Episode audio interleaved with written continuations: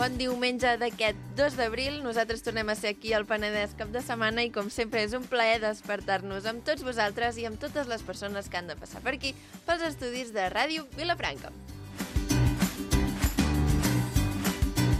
Tot i ser diumenge de Rams, encara és d'hora i teniu una estoneta per quedar-vos escoltant-nos, com cada diumenge, i ho farem començant amb la secció de Salsa Rosa, on la Mercè Casas ens posa el dia de les novetats del famoseig i dels cotilleos, que més ens interessen.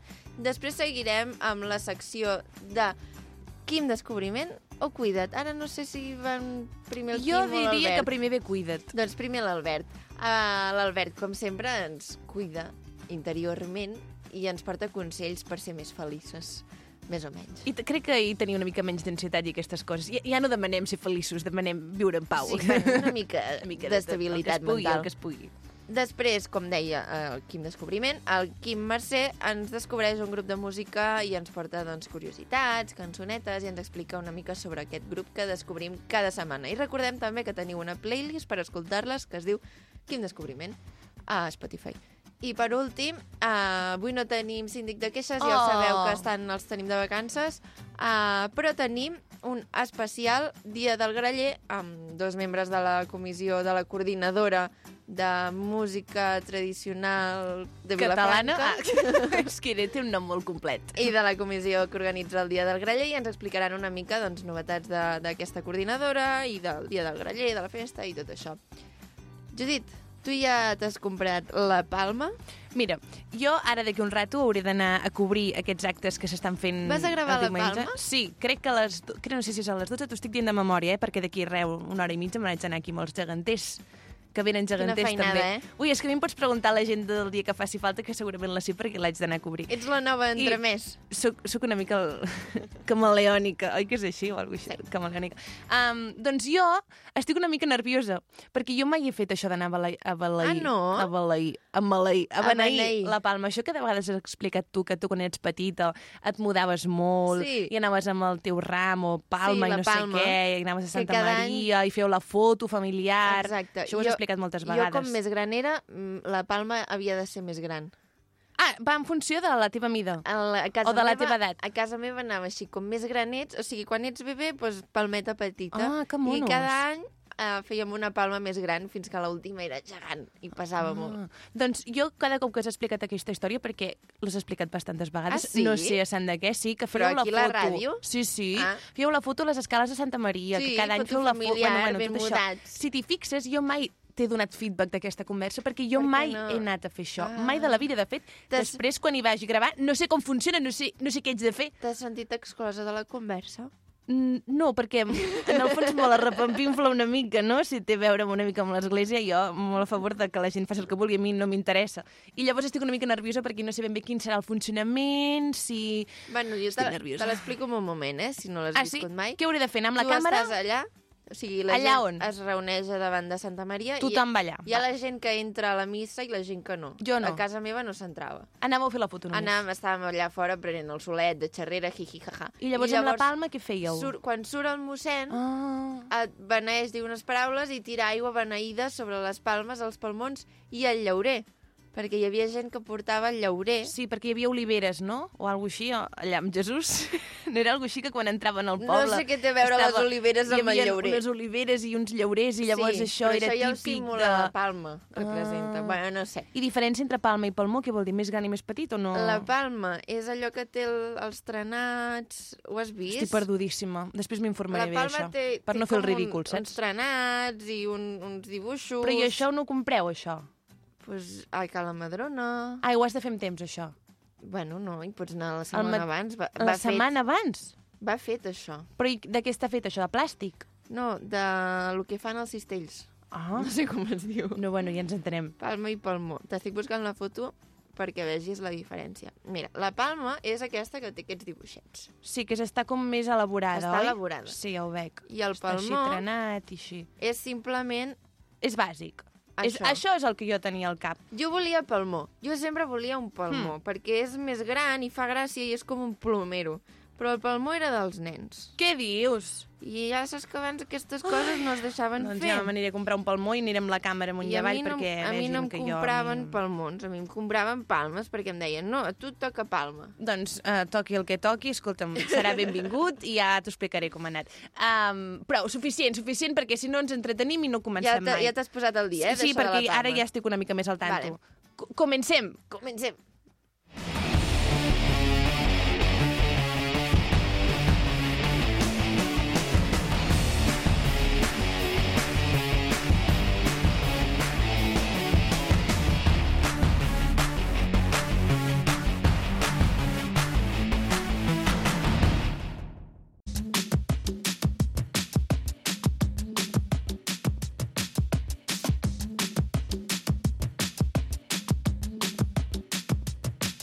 Sóc una nena supermona, Doncs és ara moment de posar-nos al dia amb totes les novetats, amb totes les coses que de veritat importen a la nostra audiència i a nosaltres. I això no ho fem soles, sinó que ho fem a la secció de Salsa Rosa amb la Mercè Casas. Bon dia, Mercè. Bon dia i bona hora. És moment de fer xipeig... Ostres! Xipeig, Te- xipeig. tens un bitxo Tens una passant- formiga que Eh, t'està una passejant per les una ungles. No, és... Ara l'acompanyarem amablement a marxar. Era, era més profund. Mira Eh, que sóc de cau, eh? Però ella veu una formiga i... En fi, no hi ha formigues, però uh, hi ha Tenim un, molta informació. un primer disgust, que és que no vam anar a veure la Laura en directe. Ostres, Va saber greu, eh? Bueno, però... Sí que va saber greu. Perquè feien fotocall I què vols i dir? es va fer fotos amb les fans. Amb totes? No ho sé, no les vaig comptar, però hi havia fotocall. Sí, eh? Bueno, eh, Nosaltres segur que hauríem tingut en una altra, sí. Sí. en una altra oportunitat, Quan una altra ocasió més endavant, ja l'anirem a veure i farem el que faci falta. És que a Madrid ens pillava una mica malament, clar. Aquí la gent És treballa i anar i tornar. últimament s'està fent tot allà, eh? Oh, que pesats, que centralistes. Exacte, Sí. la A veure Laura... quan fan alguna cosa a la bleda. Clar, Que és de Barcelona, sisplau, això. Laura. home. Una mica de... Cap aquí, ara el pisito nuevo allà també, tot allà, tu, escolta'm. Xulo, eh? No, Xulo. I molt de color, eh? Tot de colors m'encanta. West Wing. West Wing. West Wing, caríssim. Ostres, com, com de famós has de ser perquè et regalin amoblar-te la casa? Caríssim Que jo, és que ara que West m'estic amoblant la casa, us haig de dir que és molt Parlem de car amoblar la casa. importants. Anem a parlar de coses No, importants. que, que t'estàs amoblant la casa. Sí, i la, i la Laura Escanés li regalen tot i a sobre és molt més xulo que el meu. I li regalen d'un lloc car. No li regalen de l'Ikea. No, Li regalen de West Wing. West Wing, que té un mirall al vestua... vestidor, vestuari? Com es diu? És un, Vestidor. és un false friend, el Vestidor. vestidor. I té el mirall. Tu l'has vist, Marcel, el mirall? Crec és que, que l'Aina sí i jo vam estar parlant. Ai, Bueno, és que té molts miralls. És així com taronja i rosa. I fa com així Com una escena- treneta. Sí. Val, no, no era el que jo m'estava imaginant, però crec que, sé, crec que l'he vist en Així tipus brats. Guapíssim, guapíssim. És que tota la casa és tipus brets. Seria la meva no casa. tenir. Si fos rica, al meu pis. És que a més l'altre dia va penjar com moltes fotos seguides, no sé si ho veu veure, Sí, perquè suposo que al ser una col·laboració li devien demanar que en algun moment fes una mica de promo. I sí, sí, molt xulo. També et diré, els no sé si jo viuria en aquella casa amb tant de color i tanta... Perquè els primers dies et deu fer gràcia, però potser... Ai, jo sí. No, aquell- M'encantaria. jo crec que ho, com que som pobres ho critiquem, però... Els miralls... Ah, no, no és per Els criticar-ho. miralls amb, amb la cara, que allò quan et vas a mirar molesta, 100 euros. És que... Un mirall, que d'allò deu fer Rodó. 20 que centímetres. no és ni com un volant. És que és més petit. No, jo És una després el- tonteria, el és un vaig plat. buscar al Shein, a veure si era semblant. Et va agradar no molt? Bueno, no, però per mirar la Per versió barata. curiositat. Mira, si necessito un mirall, jo me l'agafaré al Shein, que em costarà 8 euros. Jo és que si em compro un mirall serà per mirar-me, perquè no puc estar amb diner, uns diners per un mirall que- amb el que no em puc mirar. Per decorar. Exacte, jo no Amb puc una decorar-m'ho. cara somriente. Exacte, fa de mal mirar-se. Bueno. No hi ha res com tenir diners. Uh, ja hem fet la quota de parlar de la Laura abans de començar. Podem començar amb el programa. Endavant amb el programa. Bé, Que que seguirem parlant de la Laura, d'acord? Sí. Perquè fa unes setmanes, clar, que a vegades no, no arribem a tot i no ho podem parlar tot quan toca, però hi van haver els Premis Ídolo, que són uns premis organitzats per la Dulceida, que això no vol dir que ella estigui posada aquí al mig, bueno, ja parlarem més endavant de polèmiques que hi ha hagut, però ha sigut la segona edició d'aquests premis, que al final el que volen és posar en valor i reconèixer la feina i el talent dels creadors de contingut. Cito textualment. A la- nosaltres no ens valorat A mi ningú m'ha doncs. trucat. Perquè encara no... Clar, no, no poden fer tothom de cop. Ah, Enteneu? La segona edició... Va per fases. Exacte. Potser de cara a la tercera Bueno, ja ens ja esperem. de, no? tardor. rebrem una trucadeta. Ja ens esperem. Jo Oh. estarem per anar-hi i fer fotocall i fer Home, el que i faci falta. Sí. Llavors, ha sigut una edició bastant polèmica, Mhm. començant perquè les nostres amigues Pombo no hi van assistir. Cap de les tres. Cap de les tres. I això que la Maria l'any passat va guanyar el més important, suposo que és, no? Mejor El- influencer de l'any el era... premi, el premi ídolo de l'any. Ah, això. Crec que va ser, que aquest any és el que ha guanyat. Bueno, comentem més endavant. Ai, ai. Perdó, no ens avançarem als esdeveniments. Però la Maria, ah, bueno, la Dulceida crec que va penjar, o la Maria va penjar un Instastory ensenyant com que s'ho estava mirant a distància. És que, clar, aquí hi ha hagut una mica de show. Vale. Perquè, clar, o sigui, primer és fort que no hi hagin anat perquè, a part de ser com les influencers més top del panorama actual, sobretot la Maria, també són molt amigues de la Dulceida, Hmm. llavors dius, home, només per companyerisme. Però llavors, què va passar? Que el dia abans dels premis, la Marta Pombo, la germana mitjana, va penjar uns Insta-stories dient que no hi assistirien perquè un dels nominats s'havia fet famós a costa de riures de la seva família. Que es veu que és un, un noi que en alguna ocasió ja no s'ha posat tant en el contingut d'ella, sinó en la seva ideologia, i ell va reconèixer que una vegada els hi va dir que eren fatxes, Ah, és com dir-los que... Però és com dir que aquest got és que rodó. té dos ulls. Això és així, no? Clar, o sigui, així. diuen que normalment la gent quan s'enfada perquè li han dit fatxa, o sigui, normalment, Clar. si no t'hi sents, no t'enfades perquè, mira, t'entra per aquí i et surt per allà. Clar. Però clar, en el moment en què... Ells ho saben que ho són. Bueno, Clar. Bueno, cadascú s'enfada. No, no, escolta, és que molt tens republicans, dos eh? ulls. Que no ho veus? Tens dos ulls. Que tu haig de, tu haig de venir dit, sobre t'has d'enfadar, que tens Ah. dos ulls, que no t'ho ha dit ningú més. Home. A veure, si ens haurem de fer els sorpresos. Ah. Llavors, clar, o sigui, ella es va sortir a defensar dient que això, sí que alguna vegada havia fet algun comentari, però que no només s'havia fet famós gràcies a això i que també feia molt de temps que no parlava d'elles. Però igualment la Marta Pombo estava enfadadíssima, va dir que aquest noi no mereixia estar nominat i que elles no pensaven anar-hi. Llavors, ella va prendre aquesta decisió i sí que és veritat que la Maria havia estat de viatge a, no sé si a les Maldives o no sé. Saps? No Un, sé si a les un d'aquests Maldives, viatges sí, que, o, eh, que es poden permetre aquestes noies. I llavors crec que li anava també una mica just de tempos, però no sé fins a quin punt no hi va voler anar perquè per tot el tema aquest de la seva família o perquè realment li anava malament. Mm, clar, Elles no estaven nominades a res, oi? aquest any no. Doncs aquí tens la resposta. No em nominen? Te la lio. Perquè si no he de ser protagonista, Ja em faré jo. ho seré per un altre Protagonista. lloc. És que, sí, és que és, és una bona estratègia, al final, vull dir, que es dediquen a això. Mm. Ves, hem de fotre-hi. Però clar, clar. Bueno, la, la Lucía, que ja és la, és la germana gran, ja, bueno, suposo que La sí Lucía que... és la pilot? Sí, Vale. Clar, aquesta sí que realment potser No, de les tres cosa. és la que menys. Però les altres dues, bueno, i sobretot la Maria Pombo, que bueno, l'any passat, de fet, va guanyar el premi més important de la gala. I que no hi hagin sigut, ha sigut... Que no hi hagin sigut, ha sigut sonat. Jo crec que en realitat totes aquestes no són tan amigues com ens fan veure. Clar, bueno, és que això és un altre tema, un altre meló que es podria obrir. És màrqueting. El Us heu de fer amigues. amigues. Us heu de fer amigues perquè Tothom és molt amiga. de la colla. És com l'amistat que tenen la Maria Pombo i la Lola Lolita.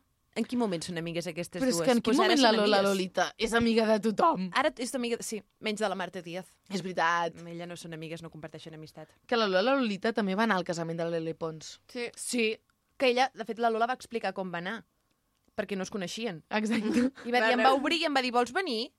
I va dir, Vale, pues ara vinc a Los Va Ángeles. dir- Sí, és un li moment. va Hay, preguntar... otras, hay más españolas y le van a decir sí. Va, bueno, pues ya la vengo. Lola Índigo. Pues ya vengo. Pues voy con ella. Pues ya, ya nos hacemos amigas. Ya, vi- És ya vengo. fort, això de la Lola Lolita, també. Una tia que va començar fent balls a TikTok i que s'ha fet famosíssima, eh? Ara em cau més bé Però que això és abans. coses de- d'agència. En plan, vaig a pagar un pastizal perquè aquesta persona vagi a tal casament. O sigui, jo crec que aquest casament de la Lele Pons hi havia unes places per vendre. És veritat, reservades per... Anem a obrir convocatòria. Ja. A veure També pot ser, m'ho esperaria perfectament. I llavors pues, deien, pues, mira, m'interessa que hi vagi aquesta, que... perquè aquell casament no tenia cap mena de sentit. No s'aguantava per enlloc. La Itana. La Lola. La Itana encara perquè havien col·laborat juntes i havien... Però si no se sabia el amigues. seu nom. No se sabia que es deia Aitana, no se'n recordava. Amb qui ho vaig parlar? Va ser amb tu? No sabia... Sí, con... Coincidimos un dia. No se Tal, sabia el seu sí. nom, no se'n recordava. La xica esa del flequillo. La del flequillo. Clar. És una Però mica sí, fort. És veritat, això, la Lola Lolita igual va posar pasta És per, per anar a aquest casament, eh?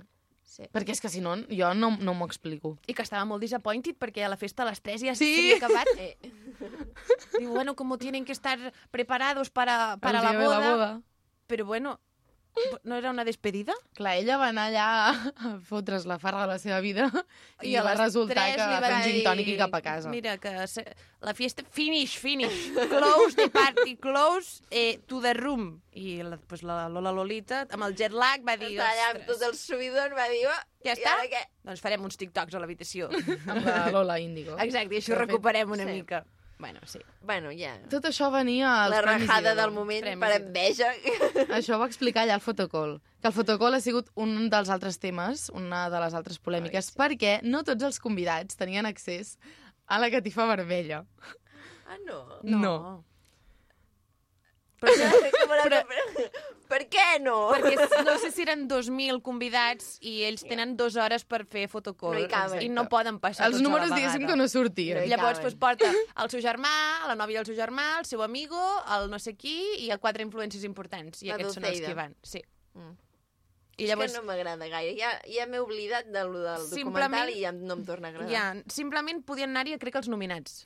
Van, sí, van prioritzar que poguessin passar els nominats, I la gent que família. entregava premis... Mm. També et diré, no sé què feia al, a la catifa vermella al Beret. Ah, també hi era? És que aquestes coses no acaben de tenir massa És com, sentit. aviam, sí, Els no hi falta sé. una mica d'ordre. Els Gemeliers també. O sou que influencers o sou cantants. Clar. Tot no es pot ser. No, perquè Cadascú la al seu gent lloc, es perquè si no els eh? premis... Eh, Eh que jo no me'n vaig a, a la Champions? Clar. Eh que no sóc que futbolista? jo no em presento a la voz? No, clar, Doncs no. escolta'm, cadascú el seu, si tu ets actriu, ets actriu. Ja Què- està. Què has d'anar a fer, a fer de què? Tu A ja, cantar? ja aniràs als MTV. Ja està, no, no cal que vagis a tot arreu. clar, és que aviam. D'anar- criticones, eh? Uh! Sí, sí. A mi m'agrada fer això. De... Perquè la línia entre ser famós i ser creador de contingut és molt fina. És molt Llavors fina, ja no saps sí. en quin moment un cantant és més famós pel que penja a l'Instagram que per les seves cançons. Que... Sí, no, però és que és Han de veritat, perquè prioritzar la professió. Exacte. si l'Ester. Expósito té 14 milions de seguidors i la Dulceida en té 3, per què la Dulceida és influencer i l'Ester Expósito no? Saps? O sigui, és una cosa que tampoc acabo de... Ja. Engagement, bueno, sí, aviam, però és que l'Ester Expósito penja una foto i té 2 milions de likes, la Dulceida en té 17.000. És que la Dulceida d'engagement va molt malament. Va molt eh? malament. La Laura Escanes i la Pombo van molt bé. Escanes. Esca- Esca És que- Escanes. I la. Pombo, perquè és de la Bleda, i li vull que faci aquí un, un acto aquí a la Bleda. Escanes. Doncs la Dulceida no va tan bé. No, perquè però mai ha anat no. bé, eh? Sempre ha anat no. Fluixeta. mai l'he seguit també de dir. Jo Però sempre m'ha caigut bé. Eh, O no. sigui, no és que li tingui mania ni res. No, a mi prou bé. A mi no m'agrada. A mi la No, que no m'agrada és la, la Paula Gono. A mi tampoc. Ai, també n'hem de parlar. També n'hem de parlar. Bueno, de fet va ser una de les que va entregar un dels premis. Que no es podia moure amb aquell Ai. vestit tan apretat. No me'n recordo com anava la, Paula, Sí, la Paula Gono. Vaig veure Bueno, en és que un en vídeo portava com dos. entrant al Portava taxi. dos vestits? Bueno, perquè el fotocall sortia amb un vestit així molt apretat de color blanc, però després, quan va entregar el premi, jo crec que anava de color negre. No ho sé. Jo vaig veure un entrant a un cotxe Sí, que, que... que no es podia... O sigui, ella es va tirar recte al cotxe perquè va dir que no, És que no- puedo sí. moverme. I jo estava allà com una a sireneta. punt d'explotar. Que anés apretada no vol dir que anés col·locada, eh? També dic, és que no puedo mover-me. Clar, no té per què anar junt. Però és que a més la tia, unes hores abans, va penjar, abans de la gala, va penjar una enquesta dient tinc dues opcions. Una amb la qual aniré de color negre, còmode, però és l'opció com senzilla, no? I anar-lo fàcil. I l'altra eh, va dir, només va dir els colors, és de color blanc, però potser no aniré tan còmode. I... Però sí que serà com més atrevit el look. Però jo crec que va acabar triant els Va dos, triar els dos, perquè el sí. fotocol anava de color blanc i ja després a dins del teatre anava de color negre. Sí, és que crec, crec que és llibre, crec. Potser en el moment de seure a la butaca Va va, dir- veure que era una mica difícil. L'he cagat. Potser que em canvi Vaig si he d'estar tota la nit aquí assentada. Però era estrany... Bueno, perdó, ja parem de parlar del vestit, però és que quan estava al fotocol es veia sota del vestit blanc com trossos del vestit negre. Ai, és com si el portés posat a sobre. Per fer... Pra! I no ho sé. treure-se'l. Sí. No. Estrany, curiós. És que tota ella és molt misteriosa. És Fa coses terrible. molt... A mi em va sortir, suposo que d'això d'aquests dies de l'ídolo, em va sortir l'entrevista amb el, amb el Luke Loren, de salut mental Sí. i tot això, que ella deia... Ah, yo tuve como un principio de TCA porque había días que solo comía agua y, manz- y una manzana. Y el Luke Loren le iba a decir, cariño, esto no es un principio, esto es un TCA. No, no, no, és un TCA. Eh, el Luc Lorent, t'haig de dir, molt bé, eh? És una passada, a mi m'agrada molt aquest noi. A mi també. Sí. I ara ha tret un documental nou, no l'he vist. Jo tampoc. Però em El sembla mirarem. que no és tan seu, sinó que és més a- amb altra gent. O sigui, que parlen... Surt la d'Estirant del Xicle, surt surt molta gent. No sé, no l'he vist. Ja el mirarem. Vale. Doncs sí. Per cert, el Luc Lorent també traurà una entrevista amb la Jessica Goicochea, Ai, sí. Parlant amb aquestes converses que fa ara de salut mental, parlant sobre el tema de la violència masclista. Però pot ser que hagi sortit. Jo he vist un vídeo, Ah, no vale. sé si era... Jo vaig veure Jo he vist el vídeo de o- promo també. Vale, vale. Investigarem i el Vale. comentarem, perquè crec que pot ser també bastant potent. Sí. I una altra cosa, recuperant la Paula Gono. Sí. Ella va ser uh, una persona que va entregar un premi. Correcte. How do you feel? O sigui, com t'has de sentir sent tu creadora de, de, de contenido havent, havent sigut el que la Paula Gono havia sigut, perquè era quasi, quasi com una dulceida, i ara vas entregar el premi a una altra persona que no ets És tu. que aquesta noia acabarà tan malament. És que ha anat molt cap avall, això, eh? Però i no ho porta bé, en plan... Se li nota. Sí, sí, sí, està com, com allò... Com que- arrossegant-se, en plan... És que des de que ho va deixar amb l'Ales, tot va anar... Ah, la, ai, Perquè és que l'Àlex, jo encara me l'estimo. Era eh, el que ens li feia el contingut. Què vol dir? O sigui que l'Àlex era el que li muntava els vídeos i li feia tot. Ah, sí? Sí. Ah. I, clar, si deixes a la persona que et fa el contingut... No sé, jo, però crec que no per contingut, eh, sinó per... Mm, va, va estar molt trista, jo crec que es va També, des, sí. desvincular molt, perquè les transicions i aquestes coses de contingut, ella ho ha seguit fent igual, eh? Bueno, perquè al final... O sigui, és, és bona, la tia. Jo crec que ella ho feia molt. O potser ha contractat algú No perquè li sé. fes... Jo sé que el contingut li feia ell. O sigui, li editava els vídeos. Mm. Sí que és veritat que també, clar, era... al final la Paula va créixer amb l'Àlex, o sigui, van ser com una parella icònica, perquè Sí. ja anaves veient també tota l'evolució, vull dir, ell sempre li va fer costat, llavors, clar, sap greu. Però... Ja, jo encara, a mi encara em sap greu, eh? Però també, clar, el públic que tenia la Paula en aquell moment, quan es va fer tan famosa, eren Era també... molt petit. Clar, jo crec que ella es va voler desvincular una mica d'això perquè se'n va donar que estava, això, com amb un Però sector... natros. Érem natros però més petites. El que passa que la Laura s'ha pogut evolucionar i ella no. La jo Paula? crec. La, la Laura s'ha Ah, vale, perdó. Ja torna a sortir? La Laura? Però e- eren fins i tot més petites, perquè jo recordo quan feia aquelles festes d'aniversari, per celebrar el seu aniversari, que es llogava un local, com Sí. una discoteca, una tarda d'un dissabte, vull dir, jo, que era fan de la Laura, no hi anava, no em plantejava en aquests... No hi anaves. aquests No et anava bé. De la Paula. de la Paula. Ah, Però, en que canvi, Laura, és que esteu, som, estava esteu un tot- problema amb la Laura Escanes, teniu.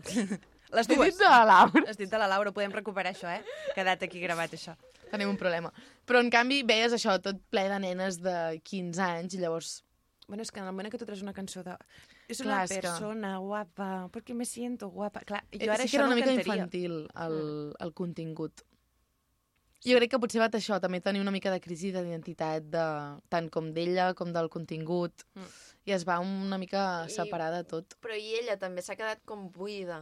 O sigui, aquesta cançó ja era terrible. És una persona guapa i... Perquè me siento guapa, guapa.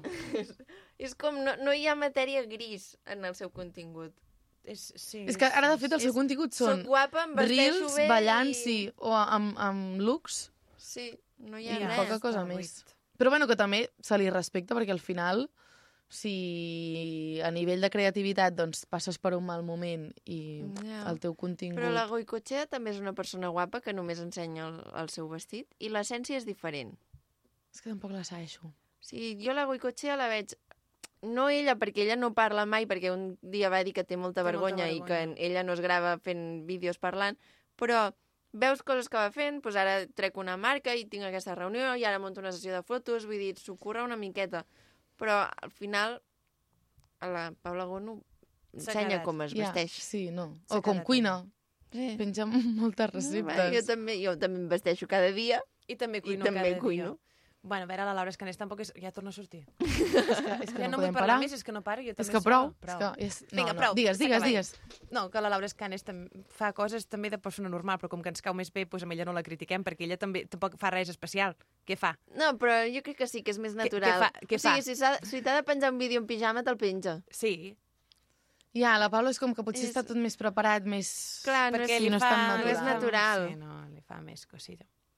Bueno, sí, va, prou, sí, seguim, seguim. La qüestió és que té- té, parella, que Ah, ho havíem estat comentant, ah. però que no s'havia acabat de confirmar, ara ja està confirmadíssim. Uh, no ho han fet oficial, allò de dir pengem una foto junts per explicar-ho, però han anat de viatge a Bali i sí que han compartit algunes Mm. cosetes, com per deixar-ho ja entreveure, Clar. que es diu Arnau Marín, l'afortunat. Ah.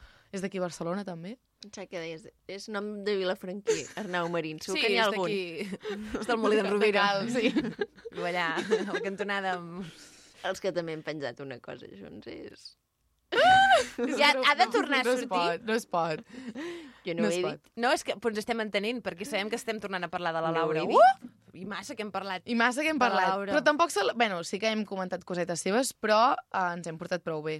Però si Ens també- Hem parlat de la Laura i hem De la criticat a la i de- Paula.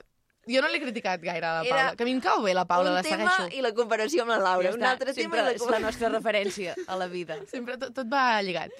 En fi. Bueno, Bueno, doncs, sí, Mercè, ens hem quedat Seguirem sense amb més temps. coses, no? Tens, Sí, veig que tant. tens aquí molts Sí. papers que no...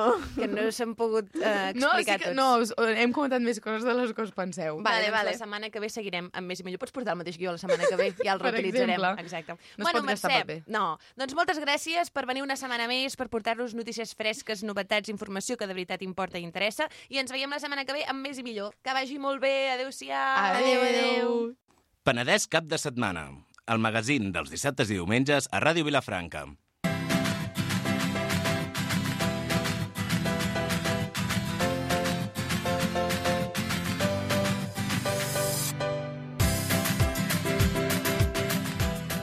Doncs cada diumenge el que fem és dedicar un espai del Penedès cap de setmana a rebre persones que necessiten ajuda psicològica. No és broma, no.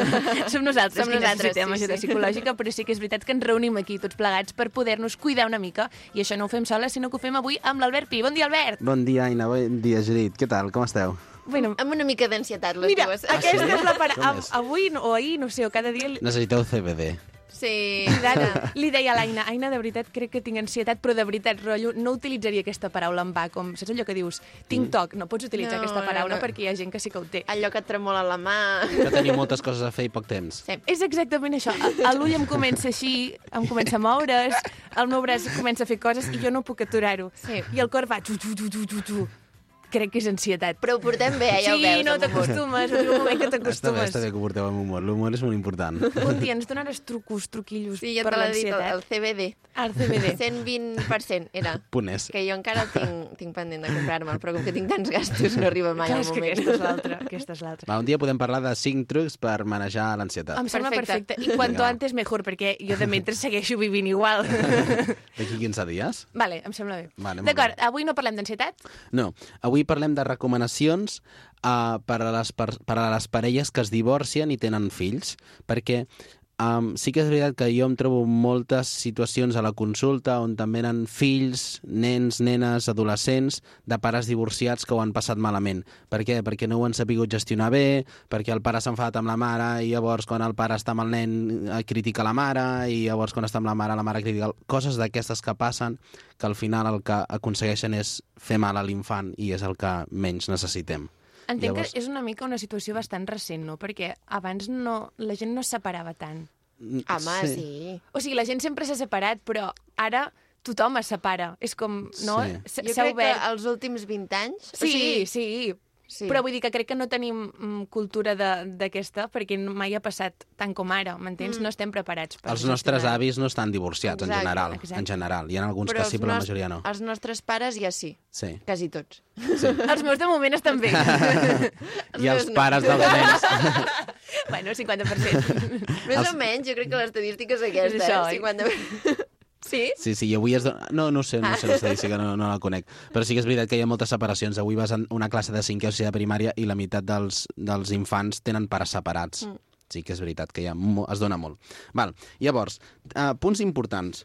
Um, hem de ser conscients que sempre hi ha un dol a la separació. Sempre quan hi ha una separació, el nen o la nena viu un dol, perquè al final és el que ell ha conegut o ella ha conegut, no? Tota la seva vida ha, ha viscut a casa els seus dos pares. Llavors, quan això es separa, ho viu, ho viu com un procés de dol, com si no com si morés una persona, però sí que hi ha una separació, una pèrdua, potser canvia d'habitatge, no? potser no veu tant a un dels progenitors, llavors és una situació mitjanament traumàtica per l'infant.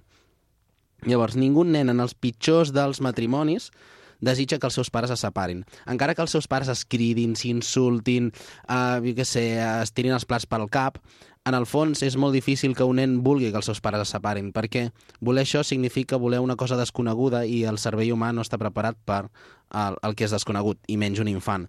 Llavors, la majoria d'infants, encara que els seus pares es portin molt malament, no volen que els seus pares es separen, i és una situació traumàtica, com hem dit. Um, jo vaig parlant i si teniu alguna pregunta, alguna cosa sobre la que vaig dient, vale, em talleu. Ja, ja ho acostumem a fer.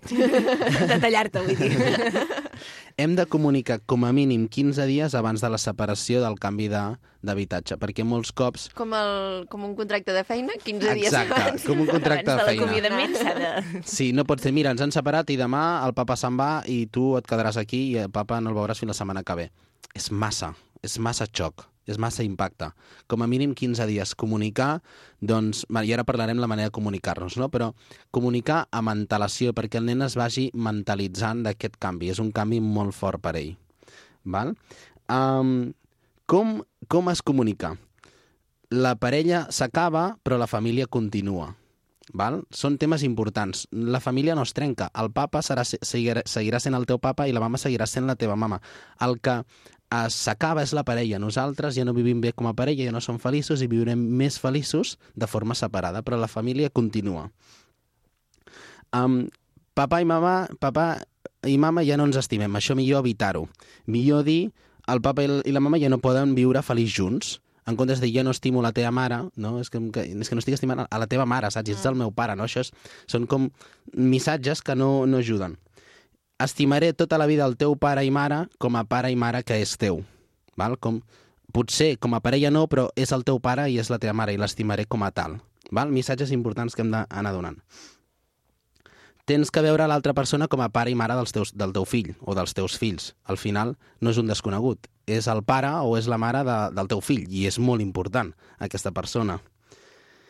En la, en la mesura que es parla ma malament de l'altra part, també s'està parlant malament de la meitat del fill que és de l'altra part. És a dir, el, un nen o una nena és meitat del papa i meitat de la mama. Llavors, si tu parles malament de l'altra meitat, o sigui, de, del pare, per exemple, ets una dona i parles malament del, del pare, estàs parlant malament de la meitat del fill que és del pare. I aquesta, aquest atac, en certa manera, també estàs atacant el fill o la filla.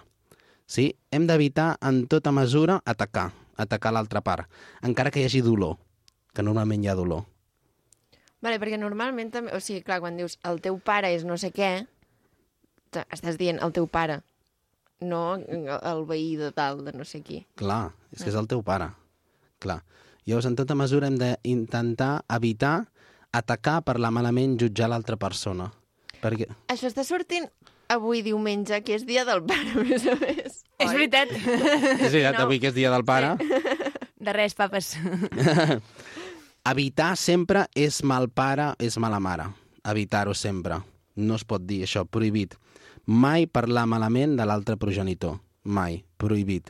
Prohibit parlar. Encara que l'odiïs, encara que t'hagi posat les banyes. No. No s'ha de dir, és una cosa que ho has de gestionar tu com a adult amb l'altra persona adulta, però no, no parlis malament del seu pare amb el teu fill o de la seva mare. Mai a vegades estem tan enganxats a la ferida emocional que l'únic que volem és que l'altra persona pateixi. Perquè al final les separacions pels adults també són traumàtiques. Pues és una família que, es, que d'alguna manera pues, es separa, pues es van a viure... Imagina't si nosaltres passem malament amb adolescents, amb les nostres parelles, imagina't a una família, no?, que porta 8 anys vivint junts, que han tingut fills, que s'han casats... És una situació dolorosa. Llavors, a vegades estàs tan enganxat a la ferida aquesta emocional que l'única cosa que vols és que l'altra persona pateixi. Pues és un error, és un error. Estàs, estàs fent patir o estàs volent que pateixi el pare o mare del teu fill. Has de ser conscient que tot el dolor que li facis a l'altra persona li estàs fent amb el teu fill també, ho hem parlat. I hem d'estar molt atents a les somatitzacions del nen o de la nena. Dolors de panxa, contestacions a l'escola, mals comportaments, si estan més apagats. Al final, um, s'ha de parlar això a casa, encara que sigui un tema tabú, s'ha d'obrir la comunicació, com estàs vivint aquest procés, què et sembla, què podem fer perquè estiguis millor, que, com, com el papa i la mama ho podem gestionar-hi, gestionar-ho perquè tu estiguis més còmode, s'ha de parlar d'aquestes coses, perquè molts cops els nens s'ho callen, ho viuen per dins, i com que veuen els seus pares patir, no volen obrir el tema, no volen preguntar, llavors hem de ser els adults els que hem d'obrir aquest tema, obrir la comunicació. Um, sobretot, aquest és un punt molt important, molts nens es creuen que la separació és culpa seva, perquè moltes discussions al final es donen degut a la criança dels fills. Llavors, molts nens, els seus pares es separen i inconscientment es senten culpables. Es senten culpables perquè hi ha discussions que s'han donat per culpa meva, no? Ells es pensen que són per culpa, te per culpa seva, o jo què sé, no es porten malament perquè jo estic al mig d'ells. Coses d'aquestes són pensaments inconscients i s'ha de, remar de remarcar molt bé amb els infants que mai és culpa teva. El papi i la mama ens hem separat, però no és culpa teva, és cosa nostra. Perquè molts cops els nens i nenes carreguen culpa de la separació dels seus pares. I és una culpa inconscient. És una culpa que, que no transmetren, que no, no s'obren. Sí? Déu-n'hi-do, eh? És que està sent molt intens, és que Sí. sí. són situacions molt difícils, eh? perquè a més el fill també pot tenir germans, també pot entrar el moment en què el papa i, i mama o mama i mama i papa i papa portin una parella nova, no? Això també deu ser un xoc que l'infant de cop se n'adoni de que ara hi ha molta més gent que forma part de la seva família, no? Clar. Vull dir, ja em costaria a mi, ara que en tinc 25, a- arribar a acceptar algun dia que els meus pares puguin tenir una altra parella com per un nen o nena petit. Això també ha de ser... Jo crec que és més Fort. difícil gestionar-ho als 25 que als 6, no? O sigui, t'has acostumat molt més a una situació durant 26 anys que si aquesta situació canvia als 6 o 7 anys. Però proporcionalment també ha sigut tota la seva vida, igual que la teva, no? Hmm. No ho sé, no, No ho ho sé. sé. Tu què creus? Jo crec que amb 25 anys tens una capacitat de comprensió molt més elevada que un nen de No et 6 pensis, anys. eh? No et pensis. Ha Depèn de qui, oi? Sí, hi ha gent de tot. Hi ha gent de tot, sí, això sí que és veritat. Ah, llavors, clar, depèn, és que la resposta és depèn. Hi ha mm.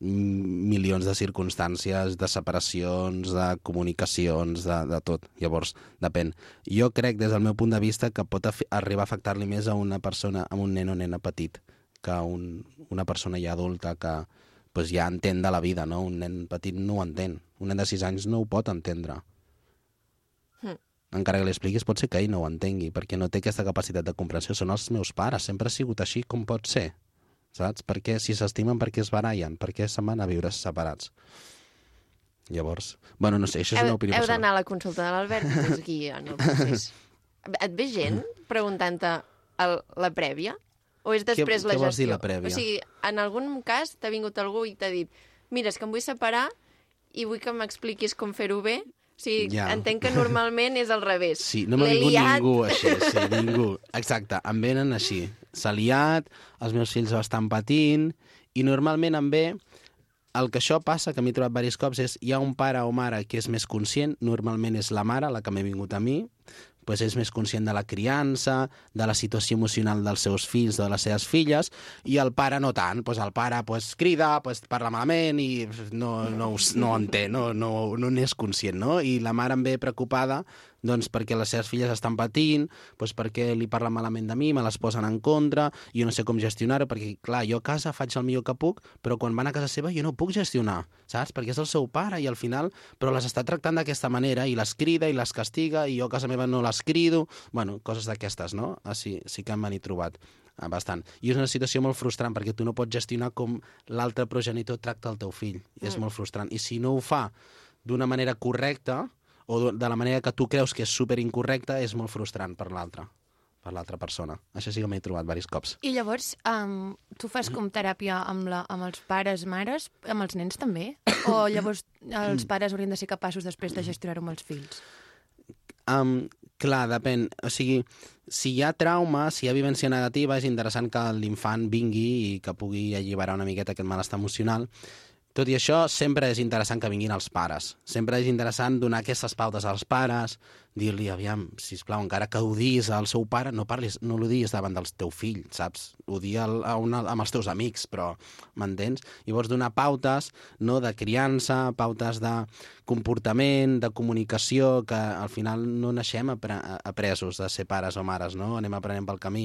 Llavors, unes pautes com aquestes pues, poden ajudar molt. Llavors, sempre és interessant treballar amb els, amb els pares, sempre. I se li ha de donar, se li ha de donar informació a l'infant. És a dir, si jo, per exemple, Albert, tu i jo som parella, vale? I tu em poses els cuernos a mi i jo estic molt dolguda, el nen ha de saber-ho que hi ha hagut un engany entremig o simplement ha de saber que ens separem? Clar, jo aquí diria depèn.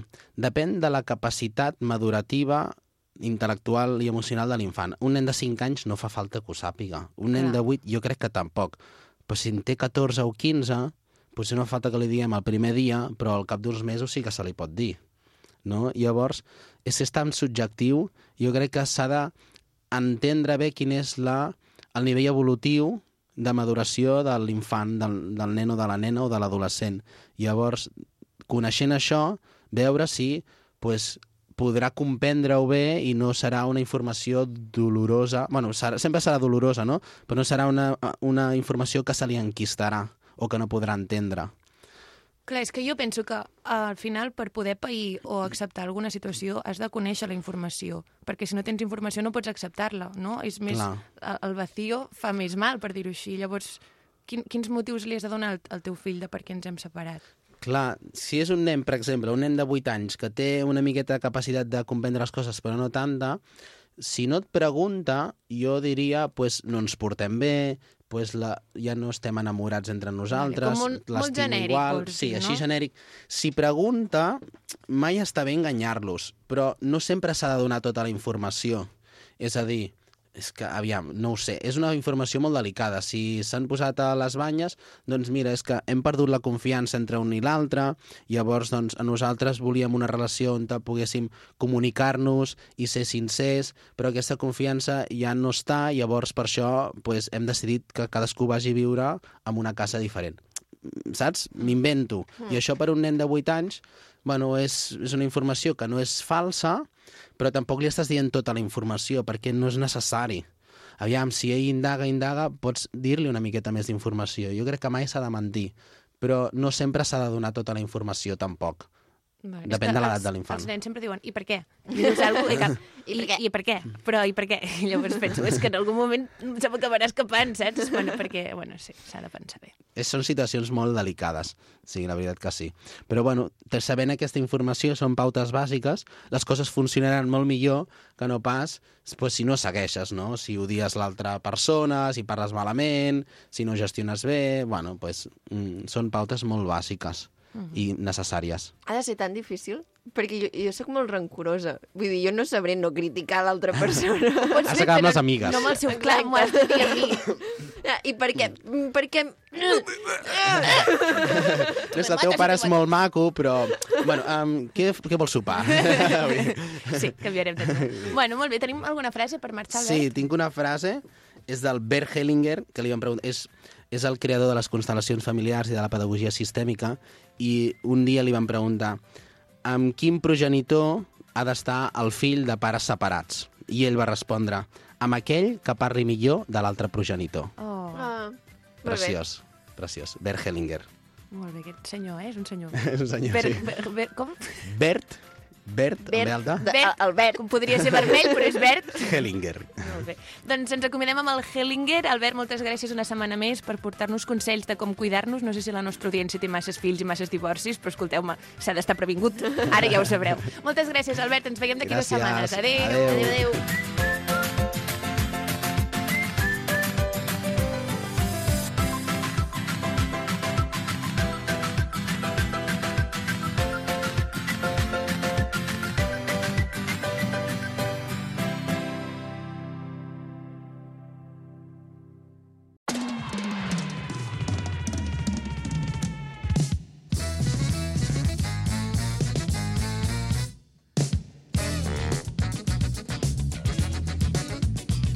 És el moment que ens agafen ganes de posar-nos musicals i de donar-li uns temassos amb aquest uh, dia de cap de setmana, que ara no em feu dir quin és perquè estic una És mica marejada. I això no ho fem soles perquè aquestes recomanacions i aquests descobriments els fem amb el Quim. Bon dia, Quim. Bon dia. Què tal, com estem? Hello. Molt bé. Estàs nerviós? Estic mm, una mica nerviós. Per però què? No, bueno, perquè el d'avui és una mica raro. Bueno, raro. Ah, la Per exemple, no es canta, això diu d'avui. que és variadito. Per exemple, el d'avui, o sigui, no, no hi ha música cantada. Ah! Tot instrumental. I clar, llavors Ah. això fa patir el públic en general, saps? Perquè a la gent no li agrada que no bueno, hi en hagi general, lletra. la música cantada ho peta bastant més que Ja, la música i, com, I com s'aguanten els músics de no cantar? Ho canten per dins? Bueno, clar, no, si no Com hi ha No lletra. hi ha lletra, Per què cantar? no pots cantar res, pots fer ni no ni no ni. Però em costaria molt, no?, crear una cançó que no tingui lletra. Bueno, és un repte. I totes, no? tot aquest grup que ens presentaràs, cap té lletra. Ah, Potser n'hi ha alguna que canten una mica, Ah, però és que no es podien aguantar, poques. aquesta gent no es podien aguantar. Potser, potser no es podien aguantar, potser sí Clar. que no es podien aguantar. Som-hi. A veure, com que ahir vam anar a veure la Sidral Brass Band, Clar, és que ahir va he ser un pensat, dia, he eh? pensat, calla, porta un grup del mateix gènere. I escoltarem uns senyors de Wisconsin que es van fundar el 1998 sota el nom de Young Blood Brass Band, que seria banda de metalls de sang jove. Young Blood, saps? Anglès. Classes d'anglès Ah, sempre... sang, sang, Sí. havia entès sang. Young sang. Blood, sí. Um, una gent que ha fet sis àlbums i sis EPs, i res, començarem amb la primera cançó, que es diu Eric Owen. L'Eric Owen, no sé qui és, l'he buscat a internet i m'ha sortit que és un escultor, però no és aquest senyor. Així Devia que... ser un amic de la banda. Hmm, poder sí, sí, una persona que els devia caure bé, suposo. Uh, així que res, som-hi amb la primera cançó, Eric Owen.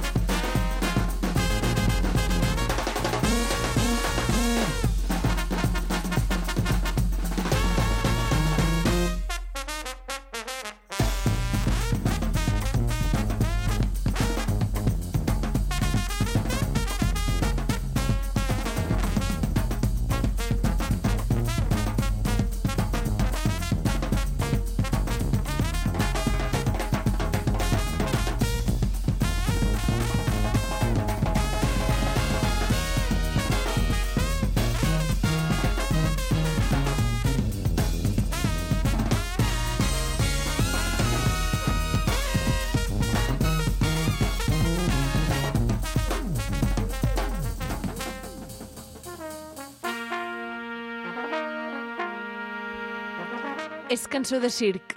Jo anava a dir, Sí o no? anava a dir de xaranga i volia aprofitar i preguntar-te què fa diferent una xaranga d'un grup de música com aquest? Um, a veure, realment la- l'origen de tot això, d'aquesta- d'aquest format, que bàsicament són vents metalls i percussió, i no hi ha res més, um, ve de Nova Orleans, um, quan la gent s'ajuntava per tocar i van fundar les brass bands, eh, eren uns col·lectius que es feien servir um, per als rituals que tenia la comunitat afroamericana de Nova Orleans i, per exemple, sortien a tocar cerimònies religioses com enterraments, festes populars o, per exemple, el carnaval. I no és jazz. Mm, bueno, va ser una de les fundacions del jazz. um, però clar, o sigui, diguem que va arrelar molt aquest format als Estats Units, es va anar desenvolupant i va arribar aquí a Europa. I aquí a Europa pues, hi ha brass bands que sí que s'assemblen més a això que estem escoltant, que va sortir als Estats Units, però també han acabat desenvolupant en xarangues, que és una barreja entre una brass band i una banda de carrer, una banda com la de l'escola, per exemple, Uh -huh. o de les que surten per la festa major, que si fusiones una mica aquests dos, doncs et surt les xarangues, que bàsicament són una formació de brass band, però toquen cançons com populars conegudes de tot arreu. I aquesta gent, en canvi, toquen coses més de composició original, etc etc. Vale. I clar que no es pot cantar perquè això no pots cantar-ho. No, però Intenta les- tu cantar això. Les xarangues hi ha cançons que tampoc. De fet, les xarangues, o sigui, la majoria no s'acostumen a cantar perquè, com que toquen ben metall quasi tothom, Clar, no i estan bufant. Bueno, ben metall o ben fusta, perquè també hi Què ha vols dir que no poden bufar i cantar a la vegada? Bueno, que si estàs bufant, si estàs bufant una trompeta, un trombó o un Fa de saxo, difícil No. cantar. alhora sí. cantar és complicat. Zebres sí que canten, però. Què vol dir zebra? Sí, hi ha moltes Zebres. xarangues que porten en un animador, per exemple, que fa una mica de xou i jaleio. A la Has Sidral vist també ho que sé feien. coses? És que no sé què vol dir zebra. És un grup. Zebras, Zebres. Ah, zebras um, marching band, perquè braç és metall, depèn metall, saps? I es diuen zebras. És un joc de paraules. Ah. Sí. És com... Um, male... No. Com era allò? No sé. Ara no. Katmandú? No, aquell grup que ens va portar el Quim, que eren dos noies... Tartarralena. I... Això, Sí. allò que he dit, La Marta i l'Helena. Sí, no passa res. Um, I això, tot aquest format acabat, de- ha acabat desenvolupant aquí, format xarangues i influenciant grups com la Sidral, que els vam veure ahir, um, etc etc. Um, què? Primeres impressions. Música de circ, m'has dit, eh? O sigui, jo m'he imaginat com si estés al Canadà, no sé si m'he imaginat estar al Canadà, però m'he imaginat un lloc que no és Espanya, Uh -huh. ni Europa, i que hi ha una carpa així molt gran de circ al final i que jo estic com caminant cap allà i de mentre vaig escoltant aquesta música i apareixen aquells nois i noies amb aquelles fustes molt llargues als peus. Que Xanques. Aquestes coses que venien gent així, Sí. i uns elefants per allà darrere, això hauria d'estar prohibit, però uns elefants per allà darrere, i m'he imaginat pues, això. Bueno, si t'ho imagines, encara no està prohibit. No, i m'he imaginat això, per això he dit, això és com un circ. Ja, podria ser. De fet, quan, quan surten les bresbans, per exemple, els enterraments a Nova Orleans són... Els són- enterraments? Sí, perquè, per exemple, Ja he dit que dit, eh? sortien a cerimònies religioses com a enterraments a festes populars. Ah, sí que ho has quan dit. surten és tot molt festiu i molt colorit. No, Mm. no són els enterraments aquí que tothom va de negre. Recordo una mica en aquest sentit a Mèxic, que quan hi ha un enterro tot Mm. són colors, etc i és una festa molt maca, doncs a Nova Orleans passa una mica el mateix. I, I per això potser t'han vingut tants colors i tant de circ al cap. Sí, però no sé per què he dit Canadà, llavors. Bueno, Estic desubicada. perquè està a l'altre costat de l'oceà, Sí. també. Vull dir, al final Això queda tot per allà. queda tot per per allà. allà. Allà costat. dalt, sí. Sí. Ja fot fred, eh? I no et passa que quan t'imagines, penses en un lloc que està molt lluny d'aquí, el que realment allà està molt lluny, et sembla que tu estàs més, bastant més a prop, m'explico? No. En plan, tu has dit Canadà, Nova Orleans, sí, estan llunyíssim, però com que tot queda a l'altre costat de l'oceà està molt lluny, És no t'ho sembla que aquí, estigui Com tan dir lluny. Rússia. Sí, Rússia, Espanya, bueno, està per allà. Sí, no sé, al final estem per aquí, Sí. però clar, sí, ja t'entenc, sí, sí. Um, Saps que als Estats Units... No sé, tu, tu, tu, clar, nosaltres, el nostre mapa mundi està fet perquè el nostre país, que és Som Catalunya, estigui espanyacentristes. al mig. Però és que a Estats Units, ells són al mig, però no només això. Si tu mires Costa Rica, per exemple, el mapa està del revés. Mhm. O sigui, m'esteu entenent? Espanya està boca baix. Això no ho sabia. És jo que és sabia molt que, fort. Jo sabia que ells es posaven al centre, m'imagino, perquè al final... Sí, doncs el mateix. I jo no, no sé si vaig anar al Brasil o on vaig anar, i, i recordo que els mapes estaven cap per avall, com si posessis el rei per, per sacsejar-lo. pues al revés. Molt bé, Sí, uau. no sé per què ho fan, perquè són molt centristes ells també. No sé. Sí, però això de girar el mapa no sembla jo que he dit mai. Sí, sí. Um, no, res, anem amb la següent cançó, que és de l'àlbum Center Level Roar, i es diu The Movement.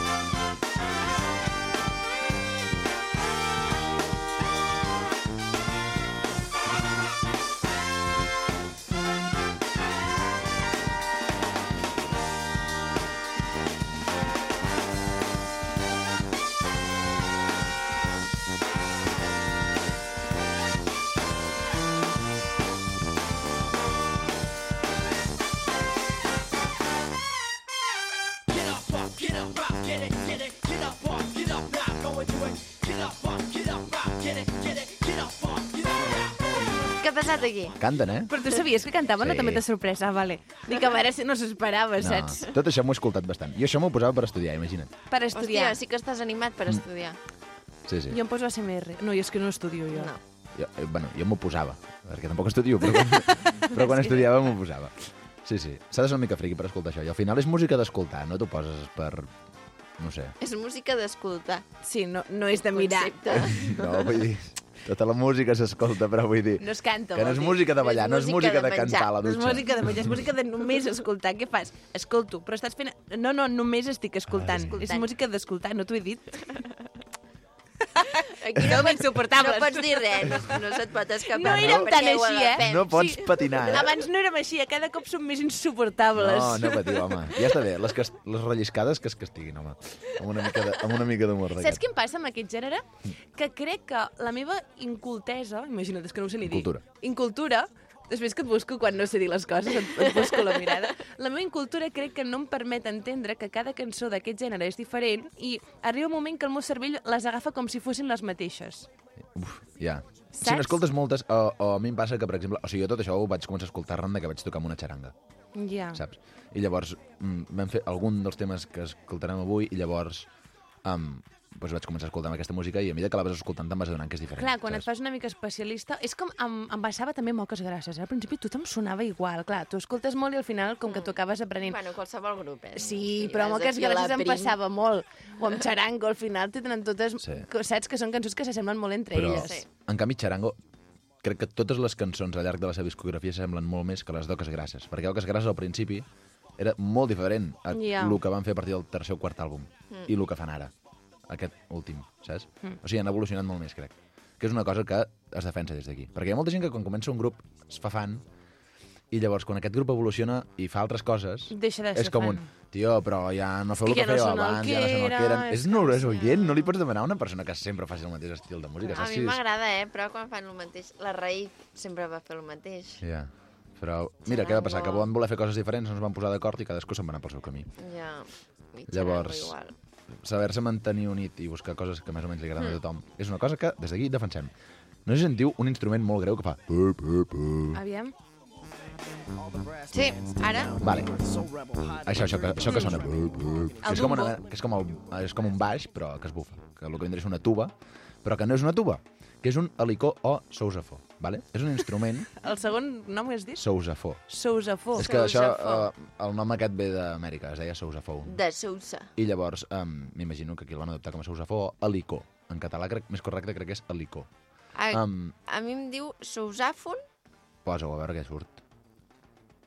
Um, és com una tuba, però que s'enrotlla al voltant Sí. de la persona i llavors la campana surt per dalt. Com que s'enrotlla? És com una tuba- Abraça la persona, Sí, l'instrument sí, sí, sí. abraça. Jo Tu te la po- poses dins l'instrument, pràcticament. Sé que ens ho estàs ensenyant, eh? però em sento com l'oient, que no veig res. És com, és com jo ho una he vist a tuba, les pel·lis. és Ah, com una tuba, però és molt més fàcil de portar, perquè això tu penges a sobre i a més projecta molt més Mira, el so, perquè una tuba, la campana, diguem, de l'instrument, per on surt el so, mira cap el amunt. porta penjat. Però, I això surt ostres, cap endavant. Quina cosa més rara, no? La campana a mira casa, cap endavant. per mm, acompanyar-nos a la conversa, podeu buscar Sousafon, in English, Susà... Sousàfon. No, Susafon. Sousafon, en, en. Sousafon, i I és- tu, Quim, sí. li has dit Sus- amb H-E-L-I-C-O o sousafó. Sousafó, suposo que es diria. Doncs és, és un, sí, una, un, un instrument que abraça el músic, és l'abraça. bastant increïble. I Doncs, la tuba, què té de diferent? Que no la tuba, l'abraça. la tuba tu l'agafes, l'abraces tu. L'abraces tu. I la Ah. campana queda mirant cap amunt. Ella és l'abraçada. I llavors no és projecta tant. una tuba. Com sí, val són una caríssims. tuba? 4.500 euros. Són caríssims. Sí, sí, tots aquests instruments són mega cars. Com més gran és, més car és, imagina't. Jo això és una cosa que no entenc mai. O sigui, no perquè sigui més gran, és a dir, l'instrument només té una funció. Què passa? Que si et gastes més diners toca més bé? Sona millor. Però I és tu més pots fàcil ser- tocar, és més agradable, depèn. Hi ha gent que està còmode amb un instrument o amb un altre. Clar, però això no depèn de la persona que ho toqui. Si ets un crec, és com les pales de pàdel, a mi em passa. També. El Jo sousafó molt dolenta que per molt que em donguis una pala bona, no la sabré tocar. Clar, per doncs això- això ha de passar igual, no? Per això la gent quan comença no es gasta la milionada en un instrument, sinó que et Clar. busques algo baratet, que sigui de nivell bàsic. I llavors I tu a mesura pots que et vas fent professional, Tu, i- tu, si ets un principiant i escoltes una tuba barata, tu notes que, ets, que és No. una tuba barata. si ets un principiant no ho notes. Però, en canvi, una persona que sap que hi entén i sent una tuba barata, sap, això és una tuba barata. Sí. Va amb la seva parella al bar i diu, allò que està tocant és una tuba barata. vale. Més o menys. I llavors, Això el Marc Martí ho fa. clar, a mesura que, a mesura que domines molt més l'instrument, amb, com millor és el que compres, més coses pots fer, m'imagino, saps? O més Clar. fàcil és fer va- varietats de coses diferents, com la que escoltarem en la següent cançó, perquè us he volgut parlar del sousafó, perquè, tot i que ara sentissu que fa bu, bu, bu, bufant així, Fa més coses, vols dir. um, és capaç de fer unes coses... Això no ho fa gaire gent, eh? però el tio que toca amb aquest grup ho fa i sona una mena de música electrònica rara, ja veureu, que no diríeu mai, sembla un tio punxant discos i és un senyor bufant un uh, helicó. La següent cançó es diu Brooklyn i és de l'àlbum Live Places.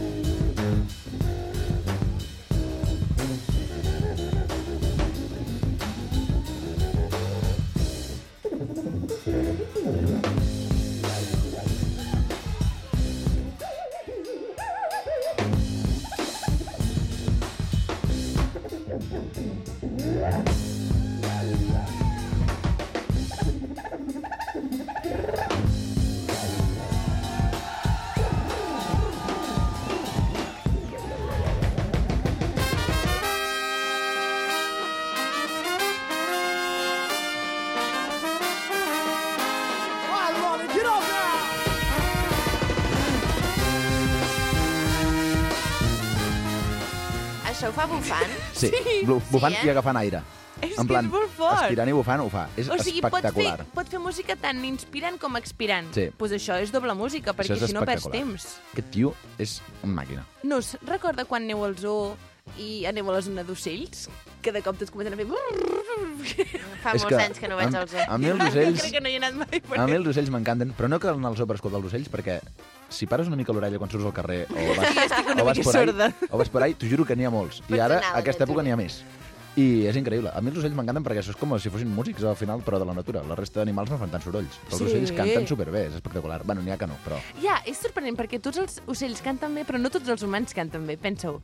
A Què estem fent malament? tots els ocells no canten agradable, eh? No, No? no. no, hi ha els que fan...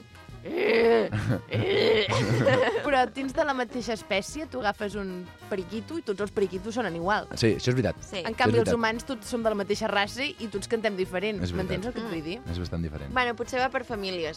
Ah, famílies d'aquí. a la meva família no hi ha ningú que canti bé. Segur que va així, això. D'acord. Seguim, seguim. Um, bueno, uh, de fins ara tot eren uh, cançons de composició pròpia, fins on jo sé. Però l'última que escoltarem per marxar és una versió d'un artista que va actuar a la final de la Super Bowl d'aquest any, Mm. que és la... Rihanna, Yes. Va, digue'm cançons de la Rihanna, a veure si endevineu quin és. Umbrella... Molt bé, ja l'has endevinat. És que es veia venir. sí, home, estava claríssim. No, i has pogut dir moltes, eh, perquè sóc fan de la Rihanna. No, però que es veia moltes. venir que segurament seria aquesta. Sí, sí, estava... No sé, podia ser era qualsevol. Um, I això, és de l'últim àlbum que van fer, que era més o menys tot versions, i crec que tinc poca cosa més a afegir. Així que no sé, si voleu valorar una mica què us ha semblat. Jo vull que ens expliquis com vas descobrir aquest grup. Quan, en quin moment? dit, Sí, quan per la vam xaranga. començar a escoltar ai, en el xaranga. vaig començar amb la xaranga Però- i llavors m'ho van recomanar.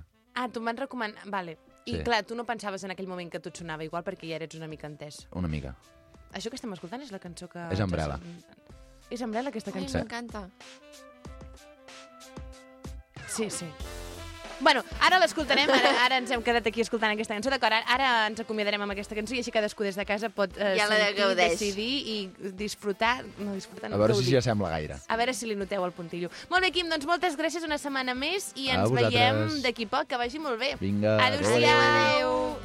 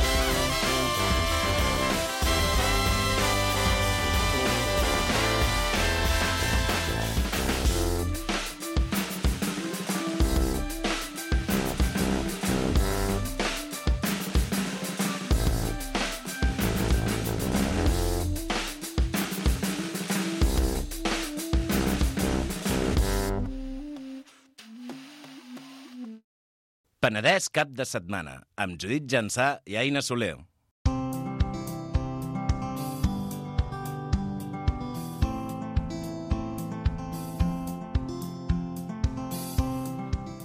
Passarem a parlar amb dues persones que ens han vingut a fer avui una visita i explicar-nos unes cosetes i direu, qui són aquestes persones? Qui són aquestes Últimament persones? faig molt això i direu, i us estareu preguntant. Ja, ja em podries dir, mi Judit, pregunta'm això, jo t'ho preguntaria i no semblaria tan forçat, però si t'agrada ja aquesta dinàmica... per la setmana que ve. Vale.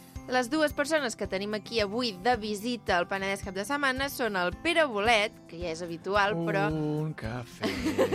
Però avui no ve amb aquest càrrec. avui no ve com a tertulià, ve amb càrrec de president de la coordinadora de música tradicional de Vilafranca. I el Pere no ve sol... Un moment, És que encara no pots parlar, encara Sí, no, no, pots no, parlar. no.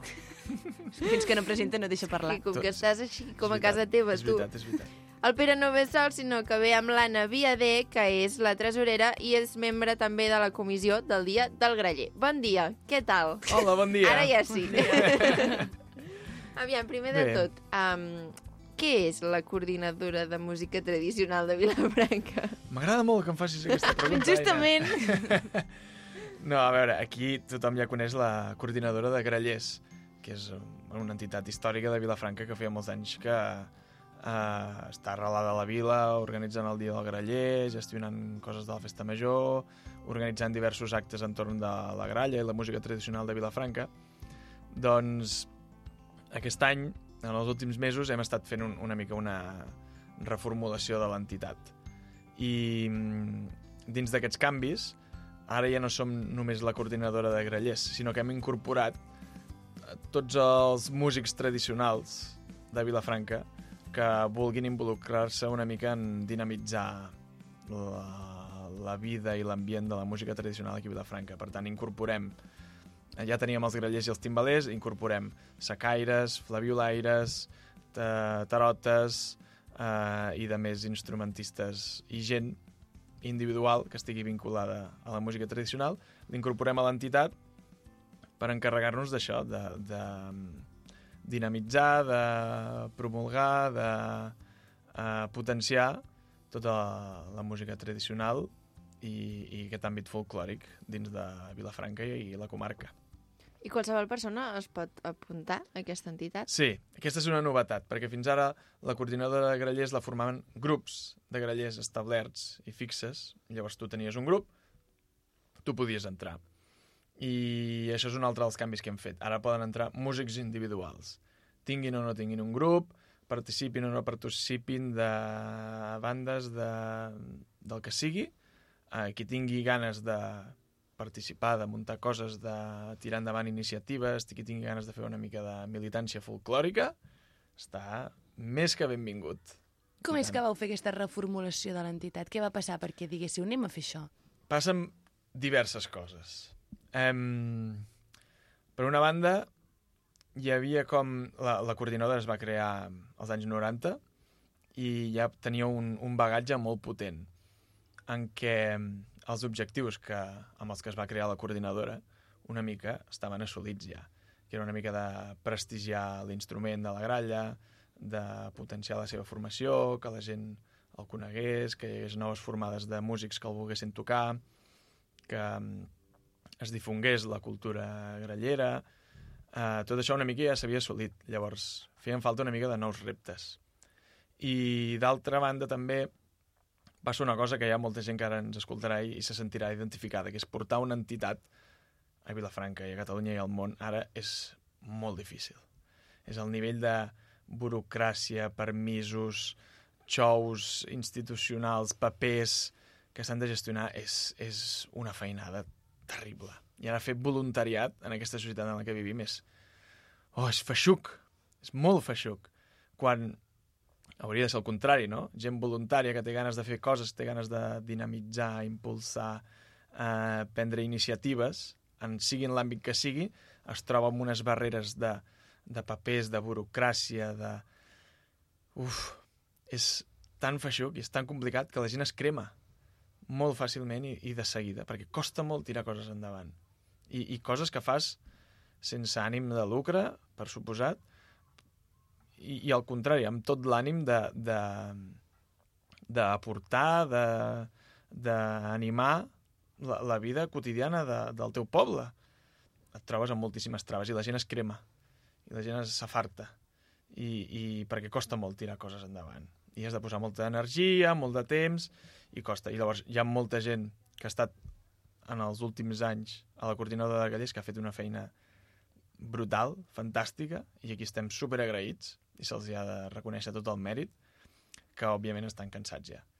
I llavors eh, feia falta una mica de relleu i els joves o no tan joves que estem dins l'entitat hem dit, doncs ara ens toca a nosaltres i entomar una mica eh, el relleu de l'entitat i proposar aquests nous objectius que feia falta de, de plantejar.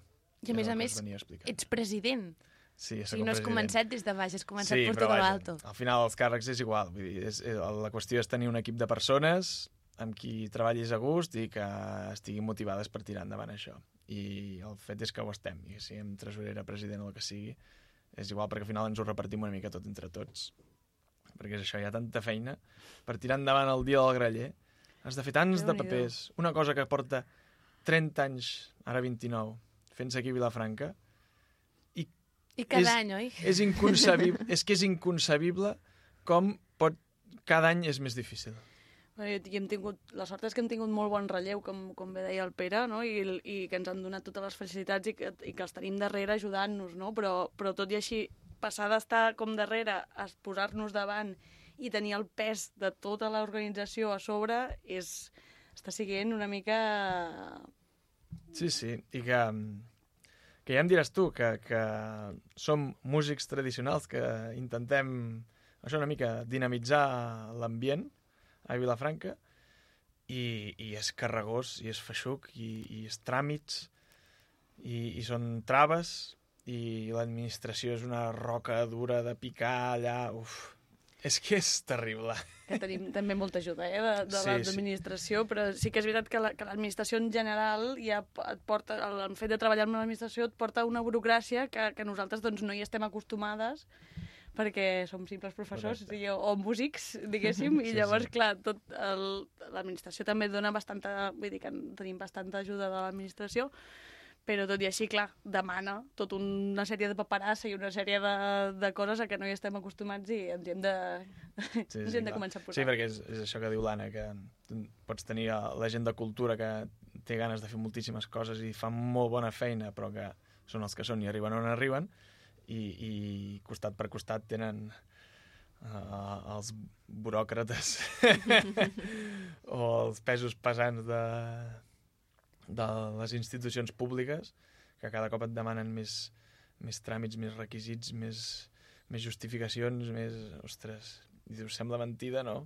Que, que al final aquí estem fent una cosa pel bé de tots, o pel gaudi de tothom. Se us veu contents, eh? És que, sí, sí, no. Portem, un, portem uns dies de molta, de molta càrrega burocràtica i penso que estem transmetent això. Sí, sí. Tenim molta il·lusió de...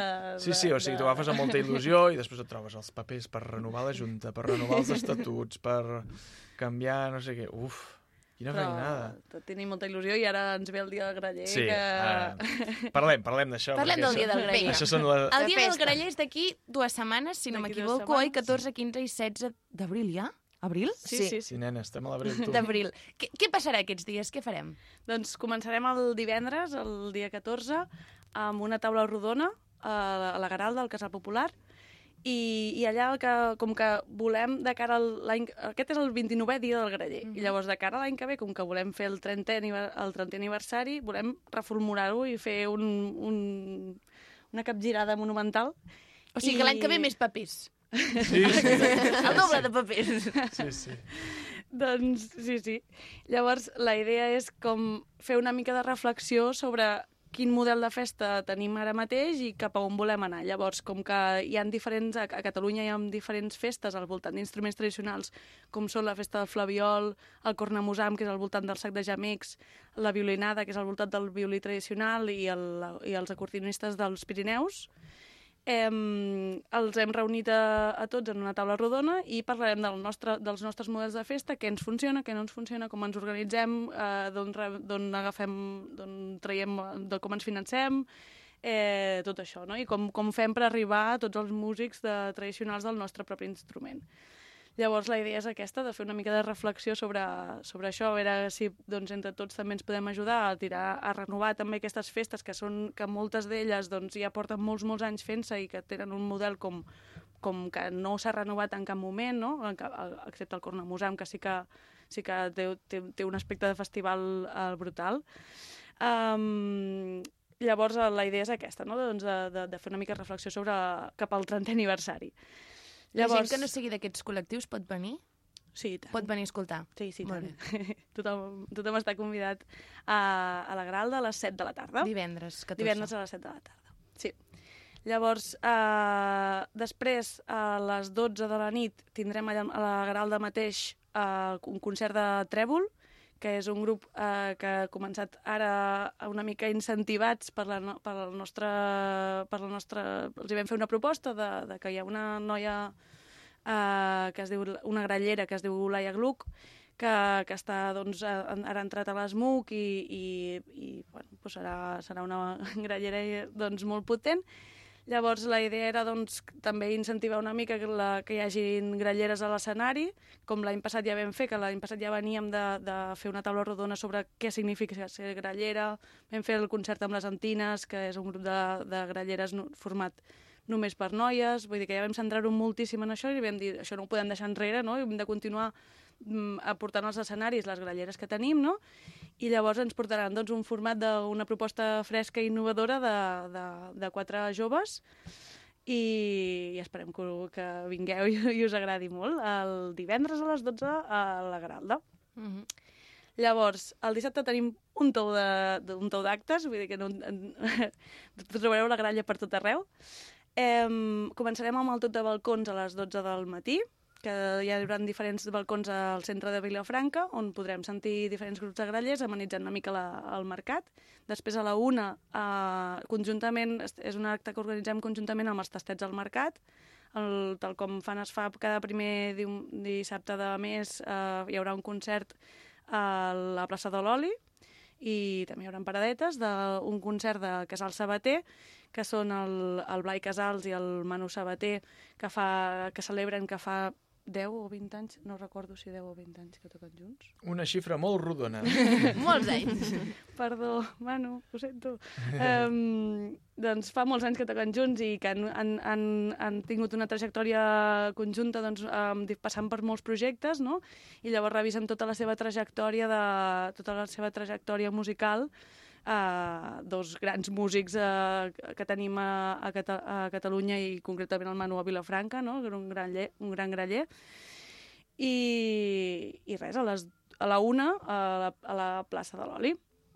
Després, a la tarda, tindrem la trobada d'escoles de gralla i timbal, de, que vindran escoles de tot Catalunya, i llavors farem primer una cercavila pel centre i a la plaça de Sant Joan tindrem l'actuació de totes les escoles de gralla i timbal de, de, molta, de molts llocs de Catalunya. Després, a les 11 de la nit, tindrem la cercanit, que és una cercavila nocturna, amb la Sidral, Brasban, eh, i dos grellers convidats, eh, que són l'Ivo Jordà i el Roger Ros, que faran un recorregut des de la plaça de l'Oli fins al Forat del Pany. De les 11 fins a les 12, que a les 12 començarà el concert d'Electrogralla al Forat del Pany. Que el, que l'Electrogralla és un projecte del, del, del graller i músic, eh, bueno, músic en general, però eh, Roger Andorrà, que ens porta una proposta molt innovadora de barreja entre la música electrònica i, i, la, i la gralla, i la, la música tradicional que tenim nosaltres, i són tot de, de cançons eh, pròpies i, i tradicionals, reversionades en el seu prisma de, de, la, de la música tradicional, i és, i és un espectacle brutal de veure, ell amb els pedals... És molt guapo. Sí, sí. O sigui, et, et sorprèn per tots els cantons. Mm. És molt recomanable. Un tio amb uns pedals i una gralla i dius, ui, això. Però ho fa tota Doncs la vegada? Sí, sí, ho fa O tot sigui, ell. toca la gralla i fa pedals tota l'hora? Sí, es va, Mhm. va gravant coses, les poses les unes sobre les altres. És molt guapo. És tot un artista. I a més, eh, el guai de, de, de que tindrem el, el concert d'Electroralla en un horari guapo de veure, que, que és a les Sí. 12 de la nit eh, en, un, en un bar com el Front del Pany, que també estem molt agraïdes, agraïdes que ens deixin fer el concert allà. I ja tot això, jo crec que no m'he deixat res. I llavors el diumenge eh, tindrem ja el tradicional Dia del Graller, que és el que sí que l'acte que fem sempre, que convidem a, a diferents eh, colles de grallers i gralleres de tot Catalunya, i timbalers i timbaleres, i, i llavors el que fem és que a partir de les on, a dos quarts de dotze començarem a fer una cercaviles pel centre fins a arribar a la plaça de Sant Joan, i a la plaça de Sant Joan des de les 12 fins que acabem hi haurà concerts de, hi haurà el, el concert dels diferents grups de grallers de tot Catalunya i a més a més tindrem l'actuació de, dels castellers de Vilafranca i també tindrem paradetes de lutiers, de llibres de, de música tradicional, tindrem tot el... Uh, podeu venir a fer el vermut el diumenge i estareu ben distretes. Que guai, Déu-n'hi-do, Déu-n'hi-do, eh? El, el programa que s'han marcat aquesta Vostè- gent. Anava a dir, es nota que hi ha feina, perquè per aprendre's tot això de memòria, mora meva. És que fa dies que ho vas noi? Portem molts dies. Sí, sí, Estan- S'ho estan currant molt.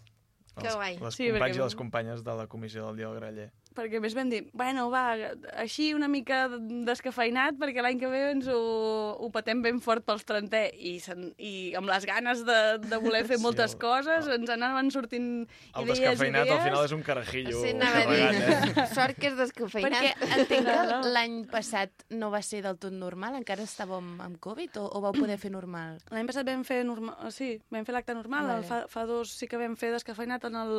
en Aquell sí que era el- descafeinat. Aquell, aquell sí, perquè era només dels grups de grallers de Vilafranca. I l'any passat sí que, vam, sí que es va fer, però es va fer la taula rodona, es va fer la taula rodona al voltant del fet de ser grallera i el, el ball de gralles, uh, vam fer el, la trobada d'escoles i com que ens va caure al mig de Sant Jordi vam fer, un- i llavors d'un dia vam fer el diumenge. O sigui que sí que vam fer una mica menys d'actes que, que, aquest, que aquest dia s'acosta més al que volem que arribi a ser l'any que ve el dia del graller, que, que li diem dia, però li hem de, li hem de trobar dia. O sigui, si algú, si algú Sí. ens vol donar alguna proposta, perquè li volem canviar el nom perquè sigui una mica més inclusiu i a més a més ja no és un dia, sinó que són, són tres dies, no? Doncs a veure si ens ajudeu, en, farem un, un concurset per eh, intentar trobar un nom més adient al, al nostre dia del graller. Molt bé. I posar-lo una mica potes a l'aire. Sí. Sí, fent una cosa més grossa. Ho esteu La inten- desmuntant tot, eh? L'entitat, el dia... Mira que ho Sí, estem sí. reformulant. Està tot renovat. I, I la intenció és fer-ho tot més gros. Tot més gros. A Vilafranca hi ha una tradició grallera i de música tradicional, en general, molt important. Per tant, eh, és un àmbit on, on hem de ser referents. Mhm. I, i, i aquí hem de recuperar, no recuperar, sinó potenciar tota aquesta herència que tenim i fer-nos una mica la capital del país en, en aquest àmbit. Perquè fora de Vilafranca eh, també es celebra en algun lloc així tan potent. Jo crec que el dia del graller sí, però d'alguna manera així tan heavy com aquí. El dia del graller, el dia del graller històricament doncs, ens ve del dia del zainero de... No recordo on se celebra, em sap greu, però es va, es va agafar des de fa molt de temps. Ara em mires i jo no sé com rescatar-te.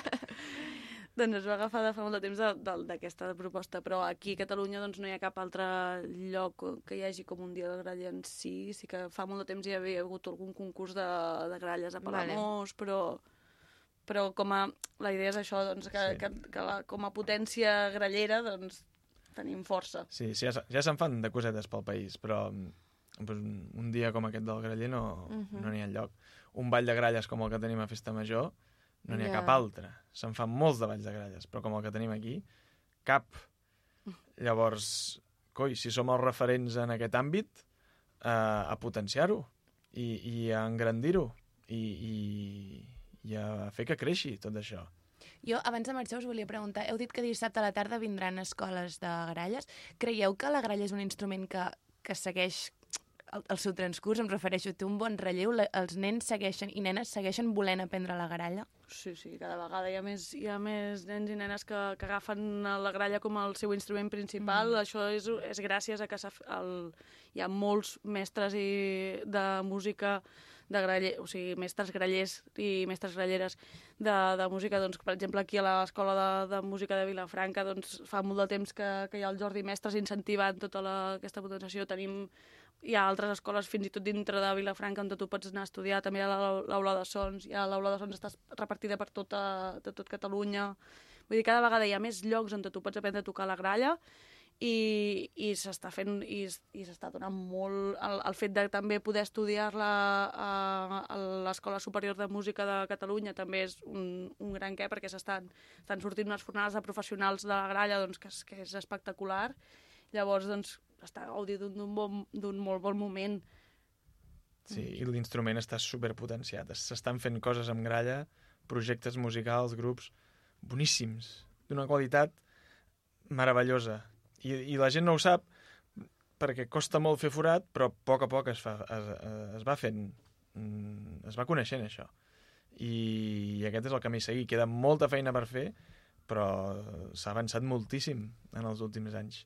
I jo crec que això a poc a poc es va valorant i a poc a poc va traient el cap i al final la conya aquesta de oh, les gralles, que malament que sonen, oh, les gralles i tot, tota aquesta comèdia eh, ho estem aconseguint erosionar, diguem-ne. I la gent que se n'en fot d'aquestes coses cada vegada queda una mica més en evidència. A poc a poc, eh? Això, de riure sempre podem riure, però que es fa una molt bona feina cada cop és més clar. I que a més és, mm, vull dir, tractar la gralla com un instrument normal, no? que, que, que, que tu, tu puguis veure més enllà de- del, dels cercles de la música tradicional, sinó que, que hauríem de també arribar a poder veure una gralla en, en algun escenari d'algun festival qualsevol i, i, i poder i, i que no ens sorprengui, no? I que, perquè és un instrument com, com, com tots, però a part és nostre i l'hem de cuidar i l'hem de, de poder veure a molts altres llocs a damunt dels escenaris. Sí, hi ha molta gent treballant per això i, i se'ls ha de reconèixer. Nosaltres som un, un granet de sorra d'aquest d'aquest món. bueno, un granet de sorra o un puntal, diguem-ne. per què no? Va, Una que- calceta, sí, només. No, nosaltres, no, nosaltres posem el, el, la Granet nostra part, el nostre granet de sorra que podem. Uh, però sí, sí, hi ha molta gent treballant per això i ho estem aconseguint, jo crec. Molt bé. Doncs amb aquest missatge, nois, ens anirem acomiadant. Dir-vos que jo aquest cap de setmana del Dia del Graell treballo, per tant, segurament vindré a gravar totes les Vine, coses vine. que feu. Ja ens Mira, anirem t'ho- veient. T'ho explicarem tot la mar de bé, ja ho Que bé. veuràs. Doncs uh, esperem que vagi molt bé aquest cap de setmana. Gràcies per venir-nos-ho a explicar i a veure si Vosaltres. podeu tornar ben aviat. Molta sort i molts encerts. tant. I molta gralla. I molta gralla. Que vagi bé, adéu-siau. Adéu, adéu. Abans